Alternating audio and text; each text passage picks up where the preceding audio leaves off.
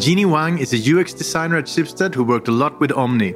In this week's podcast, she talks about the process when they design an app, how to make a platform future proof, and why empathy might be the most important trait if you want to become a great UX designer. Jeannie, welcome to Schibsted Talks. Thank you. Explain to me what is UX design? It's not a very clearly defined term and it changes over time. UX stands for user experience and uh, UX design is a design discipline that focuses on users' experience interacting with digital products and systems and services throughout the entire customer journey. So the key element here of the experience is the interaction between a user, most of the time it's a human, and the digital systems. Mm-hmm. So the role of UX designer is really to create an intuitive uh, feedback loop between a, a human and the digital product. Mm-hmm. So to simplify this, so human need a digital product to reach his or her goal. Yeah. This digital product will help him or her to accomplish the goal. Yeah. And you work a lot with Omni, right? Yes. Within Schibsted. So explain to me if you were uh, to design an app from scratch, perhaps at Omni then, mm -hmm. what's the process like? How does it work? If you design an app from scratch, I would say always start with the users and uh, to, to ask uh, who are your users, who are you designing for, and what is the problem you're trying to solve for them. And also, why is this problem worth solving? The first stage normally requires a lot of user research just to understand and how do you do that in Omni? How do you do that research? I mean, do you bring in people? Yes, we do bring in people. We do all kinds of research from uh, we yeah. conducting surveys, we uh, have in-depth interviews, and uh, the interesting thing is when Omni started, this uh, Omni concept really started from a very lean UX practice uh, where our founders went to cafes and uh, on the street to talk to people who were just reading newspapers to talk about their experience and how do they read news, what do they need, what do they like to read, and how mm. do they read it, when do they read it, really just to form a really holistic picture of the users and like then create the concept to build on their needs basically. Yeah. so that's the kind of a research. Sounds like a really long process. You need to be thorough in the beginning. Yes you need to be thorough in the beginning but it can also be a very iterative process because you learn something and then you have some hypotheses. Yeah. and then you learn something new. And then yeah. you maybe modify your hypotheses and eventually form a good picture about what you uh, want to design for. So the third step, we normally would have workshops where we gather the whole team together to brainstorm ideas and concepts and also involve all the stakeholders to know their goals and motivations, uh, limitations, and stuff like that. Mm. Or if you're building a other app from scratch, perhaps here it's a time to uh, build up uh, personas, basically what kind of a typical user you're designing for, and maybe draw up uh, journey maps and flows mm-hmm. and stuff like that. And in Omni, we already have a solid personas built up from the start. So then in the third step, it's really about conceptualize. And after that, what happens? So the fourth step is the iterative design process. Basically, we make a wireframe, which is a low fidelity representation of the concept, of the design concept. And uh, we make mockups and prototypes and then testing with the users in a very iterative manner basically means if we discover something we change we test again yeah. so that's the first step and then uh, at the fifth we would uh, enter a development phase where the UXers will collaborate with the development team here really to deliver the UI and the visuals and uh, to make the um, final design accomplished. Yeah, yeah. when you're at this stage, you can still make big changes if you feel that you have to, or, or Yes, you can still make changes if you if you have to. Yes, okay. but uh, the idea of, about this uh, iterative design process is to discover any changes you want to make in the early stage. Yeah. So that would be cost a lot less for the team for their time and resources. so it's worse when you realize you were totally wrong at the yes, end. Yes, yeah, exactly. So that's why uh, UX uh, designers are very uh, important in the early stage to do research and yeah. to keep a close contact with users so you can test all your hypotheses, your all your uncertainties, and then to really make sure the solutions and decisions you made and uh, you go for are the ones that it's like it's like the most part in life. If you cheat in the beginning it will hunt you in the end. Yes exactly. Yeah, exactly. so it. you can't really do that. But then we uh, nowadays we also have the uh, sixth step. So even if the product is shipped is not the end of it because we still need to follow up to really to check have uh, have our design really solved users' problems. Mm. So, and for example, we would conduct uh, more research perhaps to ask uh, how users are using the product today, what's their experiences. Maybe we would um, gather some quantitative data from uh, uh tracking to see how users use certain features and how they react and uh, mm. stuff like that. And this would uh, also to identify the areas for improvement yeah. and next steps. That would be the whole the whole process. Process, yes. So it sounds to me like you're experts on human behavior more than tech people. Are you both? How, how would you describe it? Yeah, it's actually very multidisciplinary practice. Basically, yeah. you need to know about human behaviors, and you should have the curiosity to know as well. Yeah. And that also the behaviors also relate to, to psychology and culture and social trends. So it's really a big mix yeah. about human in general. Yeah. And then you also have technology that's a very important part because technology can enable you to do really cool things and it can also limit you. Yeah. but there's a lot of perspectives to keep in mind. Yes, absolutely. And also have business perspectives and uh, what traits is the most important if you want to become a great UX designer? What traits are most important? I would say to have empathy yeah. That is the most important part because you UX designer really should see the world through the eyes of the users. Yeah. You can uh, really care about helping users to achieve their goals, solving their problems, and bring value to their lives. So that kind of empathetic angle will help you make great products. Yeah. And also, of course, as you mentioned, it's a multidisciplinary practice. So good UX designer should also be a really great communicator and collaborator because it involves collaborating with the whole team, mm. uh, stakeholders, and business, and also with users to communicate with them as well. So, this is a very important skill set.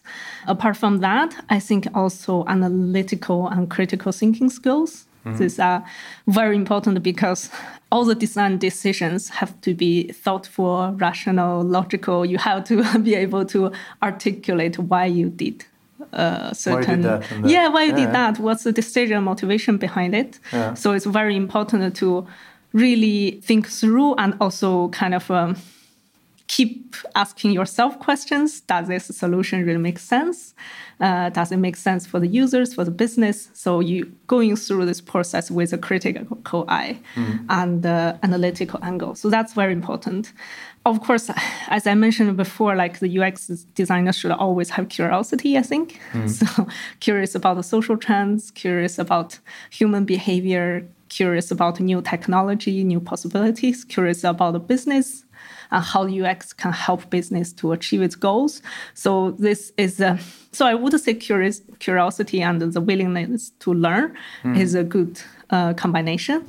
Of course, down to the practice of design, there is also the design craft and the eye on detail because in the end of the day your design would be shaped and uh, launched and used by yeah. a lot of people and then the details really matters but that makes me curious what's your own background then it's quite a mix. I actually started uh, as an industrial designer, so that's where I learned the classic ergonomics, yeah. uh, human factor in that kind of way. And later on, I moved uh, to do uh, more uh, motion graphics, animation, and uh, more visual later on in my uh, education. But then eventually, I got exchange student yeah, scholarship yeah. come to Sweden, where then that's where I learned uh, interaction design. Yeah. So that got me really hooked because I was really interested in uh, psychology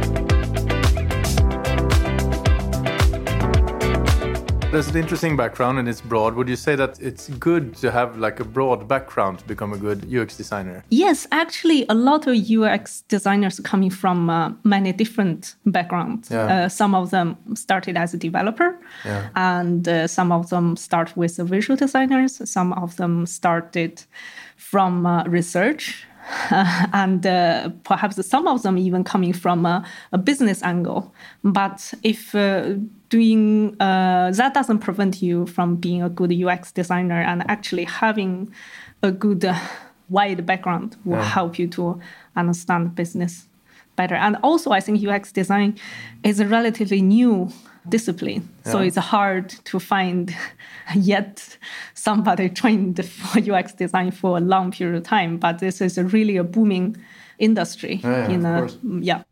Let's talk about Omni because you've been very successful with Omni. This year has been nominated for Svenska Designpriset, Omni and Omni Economy. What's so good about these apps? What did you get right? I would say Omni Omni Economy had a great base from the start. As I mentioned before, when the apps were designed in the very beginning, that was perhaps six years ago, it was really based on a UX practice where the user's needs and their habits and their wishes were placed in the center of the concept. Mm-hmm. And that made the concept of Omni very successful and making the users using Omni really love it. so, and then in the past years, Omni really only rely on organic growth, word of mouth. We haven't done a lot of campaigns and stuff, but we have a steady increase of users yeah. uh, over the years. So for this nomination uh, is um, for us redesigning Omni. Basically, we have been growing for many years, and now mm. we feel we have the potential to be even bigger. And that's when we did another study to see where's our growth potentials, where's other users we haven't reached, where we can reach, we have the potential to be interesting for them. And what did you find out in the study? We have three types of users we think have most uh, biggest uh, potential for Omni uh, to grow.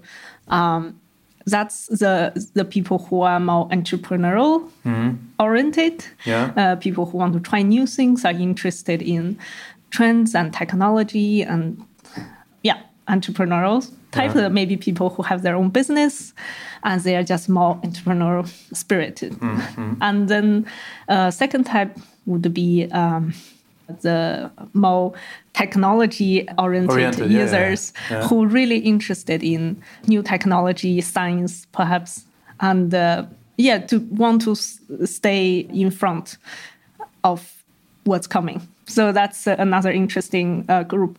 The third group, which is particularly interested in uh, Omni economy, is the people who are already what we call them investors, who are already experienced in the financial world. They know a lot about the stock market. Basically. Yes, the yeah. business uh, news, and also they they are not uh, beginner.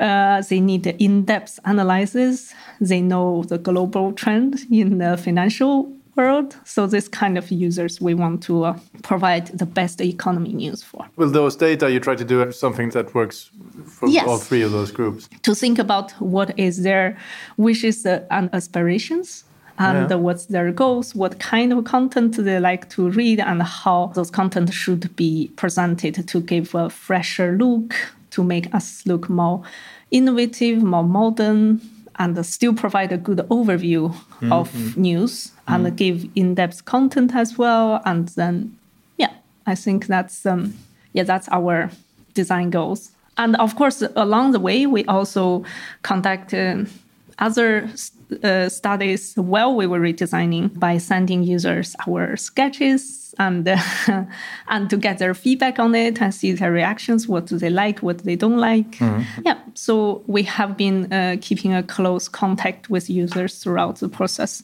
That's why when the redesign was released we got really positive feedback from our users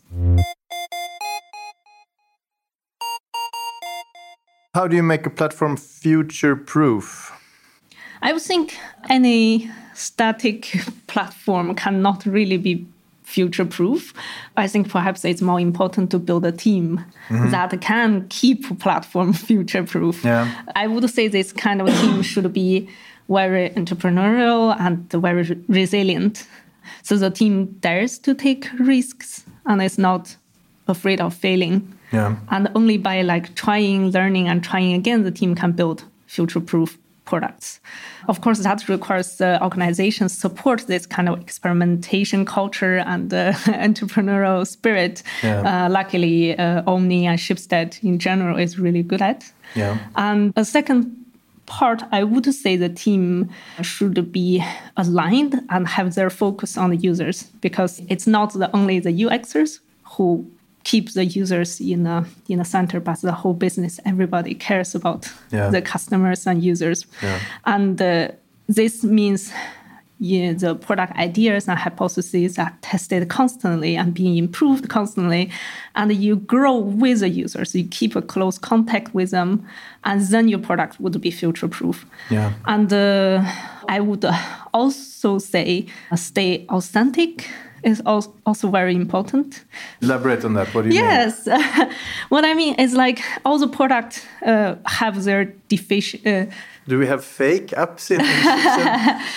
uh, I would say it's uh, more like uh, stay authentic. Uh, what I meant is that the team should be aligned and stay true to the core value and the like the core um, offering the mm. product is for their mm. core users. Mm. Uh, because there are so many new products and services out there, it's very easy to see someone else doing something great and thinking, I can well, be like, copy that. yes, be someone else. But it's important to really stay true to your primary audience and yeah. what's their needs, uh, rather than just to uh, following the trend. Yeah. Uh, this can help the, your product to to provide a unique value to yeah. your users and then help you to grow a really loyal audience and make the, the product future proof in the end. Yeah. So, any new trends within UX design that you can tell us about? Yeah, I would say there, of course, there are many trends in UX design. Some what's the most important one? The yes, most interesting one? What's the most interesting one? Well, I would say, from in my opinion, the the biggest uh, trend uh, in the coming years, it should be a positive impact, actually. Mm-hmm. And uh, what I mean by that is um, we can already see a lot of uh, digital products are gaining somewhat bad name in the recent years. For, for example, by uh, taking advantage of people's fear for missing out, designing features to keep users hooked and then make profit out of their users' time mm. uh, and attention. And but there are more and more awareness. This is not a sustainable way. Yeah, but isn't that important to keep them at your in your app? And isn't that part of the or? or... Yes, uh, that also depends on the business model, of course, and uh, you can try to build a healthy habit yeah. instead of keeping them the longer the better yeah. i would say so for example if uh, we talk about the omni i would say instead of uh, trying to keep the users there all the time yeah. what we can do is to focus on personalization really to help them to stay informed but not getting overwhelmed okay. to provide really relevant information and what's really interests them, what they really need to know. This question might be a bit stupid from a financial perspective. Don't you want them to stay there for as long as possible for the yes, ad revenue? If your business model is based on ads, yeah. that might be an important factor. But uh, ads revenue is not the only way of making profit. I get it. A good uh, way is for example, subscription model. And we know a lot of users will pay for subscription even if they don't consume something on a very time consuming manner. Yeah. So, for example, some of the users we interviewed would spend a solid hour reading Omni to get a good overview of what happened, but they only do this once a day to mm. get really like well informed, but they wouldn't be like spending as longer time as possible in the app. Yeah, I get it, but those are really quality minutes. yes, the that's the quality minutes. Then yeah. you help the user to to really get informed and help them to get what what they want. And those users are the ones who are willing to support so when you, you. boil it down, it, the newest trend is to give people quality time. Then yes, exactly. That's nice. Yes, quality time and uh, forming a good habit, and really to become the help rather than like a consumption. Yeah, that's nice. So, what are you working on exactly right now this week? This week we are kicking off some redesign for our website. Yeah. and we have also some secret project going on. I can't tell you. I want to ask you just that. now. So, in, in general, how's the pandemic treated you and your team? We are dealing with it really well, actually. Yeah. So Omni was one of the first team moved uh, fully remote from Yeah. the very beginning of the pandemic when it hits uh, Stockholm, and then the news desk and the product team uh, runs really well throughout the time. And we even managed to launch several ambitious products while everybody being home. Yeah, yeah. Yes. So And you look happy. You, you don't have any problem working from home then? no, not at all. I think it's great. We have been really connected online, the entire team. So we haven't encountered any problems. And we also moved all the user research online, which is also a different approach compared to what we did before. So Yeah. we do, But it's working out. yes, it's working out very well. Great. Thank you so much, Jeannie. Thank you. This podcast was brought to you by Schibsted Employee Branding Team. My name is Hugo Renberg and producer was Jens Back.